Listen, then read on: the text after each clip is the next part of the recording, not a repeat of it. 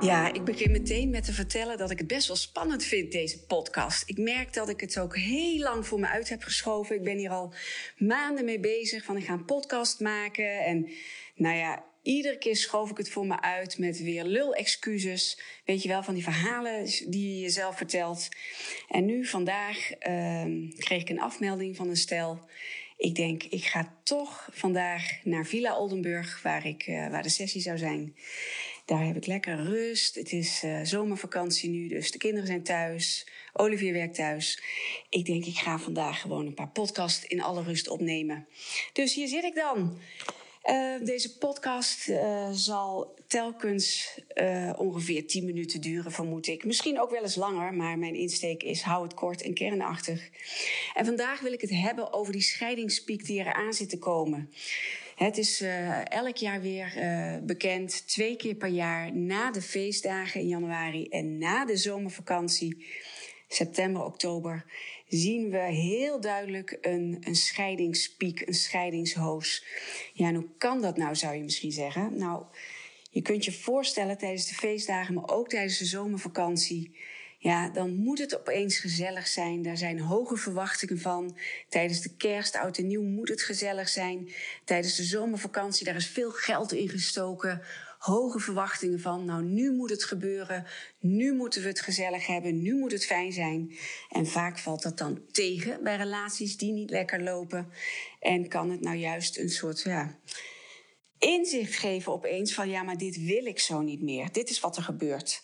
Dit wil ik niet meer. Na de vakantie ga ik er een punt achter zetten of gaan wij er mee stoppen. Ja, als je dan weet dat veel de mensen er ongeveer twee jaar rondlopen met, het, met de vraag van, goh, ben ik wel gelukkig? Twee jaar lang dolt die vraag door, door het hoofd. En dat is best wel lang. Ja, wat is lang? Dat is natuurlijk uh, subjectief. De een zegt, nou vind ik eigenlijk helemaal niet lang. De ander zegt, oeh, wat lang. Maar weet je, als je daarmee loopt, bespreek dit met je partner. Maar heel vaak gebeurt dat dus niet, omdat om wat voor reden dan ook dat gesprek niet kan plaatsvinden. Omdat degene die dit zelf voelt bijvoorbeeld geen prater is, of dat zijn of haar partner geen prater is, of dat beide geen praters zijn. Ja, dan loop je dus twee jaar lang of nog langer of minder lang met deze gedachten rond. En je partner, die kan niet in jouw hoofd kijken. Niemand in de hele wereld heeft de gave om in het hoofd van een ander te kijken. Dat kan niemand. Dus jij loopt daar dan zelf mee rond. Misschien heb je het wel eens aangekaart, maar loopt het gesprek uit op een conflict of op ruzie, op onbegrip, op verwijten. En kruip je steeds meer in je schulp en hou je het voor je. Ja, en hoe gaat het dan heel vaak? Na twee jaar of na zo'n tijd komt het hoge woord eruit. Ik wil scheiden. En valt dat voor die ander vaak rouw op zijn of haar dak? dat hoor ik vaker van, goh, ik wist wel dat het, dat het niet lekker liep, dat er dingetjes waren. Maar god, uh, dat gebeurt toch in elke relatie wel. Ik had nooit het idee dat het zo heftig was, dat het zo erg was. En opeens kreeg ik dat bericht ja, en ik wil jullie vragen, als je dit hoort, spreek je uit.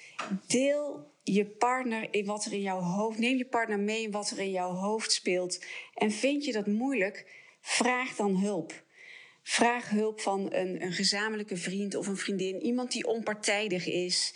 Of zoek hulp in, uh, ja, bijvoorbeeld bij, bij mij of bij een collega van me wij, uh, wij relatietherapeuten en relatiecoaches kunnen hier heel goed bij begeleiden. Zodat er een gesprek ontstaat, een gelijkwaardig gesprek, zonder dat het uitloopt op een ruzie, maar dat het verbindend is en opluchtend is. En dat het ook eerlijk is en dat jouw partner ook ja, weet wat er bij jou speelt en daarop kan reageren. Weet je, en als het knalt, als het knettert, zeg ik altijd maar, ja, dan, dan is dat ook oké. Maar als je dat spannend vindt om dat gesprek alleen aan te gaan, alsjeblieft zoek hulp. Gun jezelf dat, maar ook je partner. Weet je, er zijn elk jaar in Nederland 86.000 kinderen die horen dat hun ouders uit elkaar gaan. 86.000, laat dat getal even op je inwerken. Ja, dat is qua aantal, qua inwonersaantal een stad als Heerlen. 86.000 kinderen horen elk jaar in Nederland dat hun ouders uit elkaar gaan. En ik blijf het zeggen, ik ben niet tegen scheiden. Ik ben voor scheiden. Ik zie alleen echter in de praktijk dat er wellicht wat te snel wordt gescheiden. Laat ik het zo maar zeggen. Mensen die bij me komen denken vaak al aan scheiden of het is door hun hoofd gegaan. Ehm, en in bijna alle gevallen zou het echt niet nodig, is het echt niet nodig of zou het te vroeg zijn. Uh, omdat er nog niet, niet alles is uitgesproken. En ja, wanneer dat wel gebeurt, wanneer je je wel gaat uitspreken, dat is ongelooflijk wat er dan kan gebeuren. Hoe je je relatie dan opnieuw samen vorm kunt geven, is, is gewoon ja, waanzinnig mooi. Dus ja, dat is eigenlijk wat ik je met deze podcast, met deze aflevering wil meegeven. Mocht jij ergens mee zitten, mocht je niet gelukkig zijn ehm, in je relatie, met wat dan ook, hè, misschien op seksueel gebied, misschien uh, in de communicatie, uh, misschien wil je meer dingen alleen doen, wil je meer dingen samen doen. Wat er ook speelt, misschien loop je, loop je op eieren, of misschien lopen jullie alle twee, of zelfs de kinderen op eieren.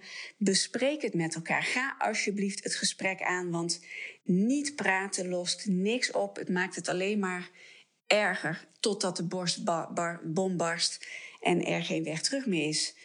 Vaak is er nog heel veel mogelijk en is de liefde nog heel dichtbij, verstopt onder een dikke laag stof. Ik wens je een fijne dag of avond of nacht wanneer je dit uh, luistert. Ik hoop dat het helpend voor je was. Heb je vragen? Stel ze. Stuur me een DM op LinkedIn of op Instagram. Stapelgek Academy. En tot de volgende keer. Bye bye.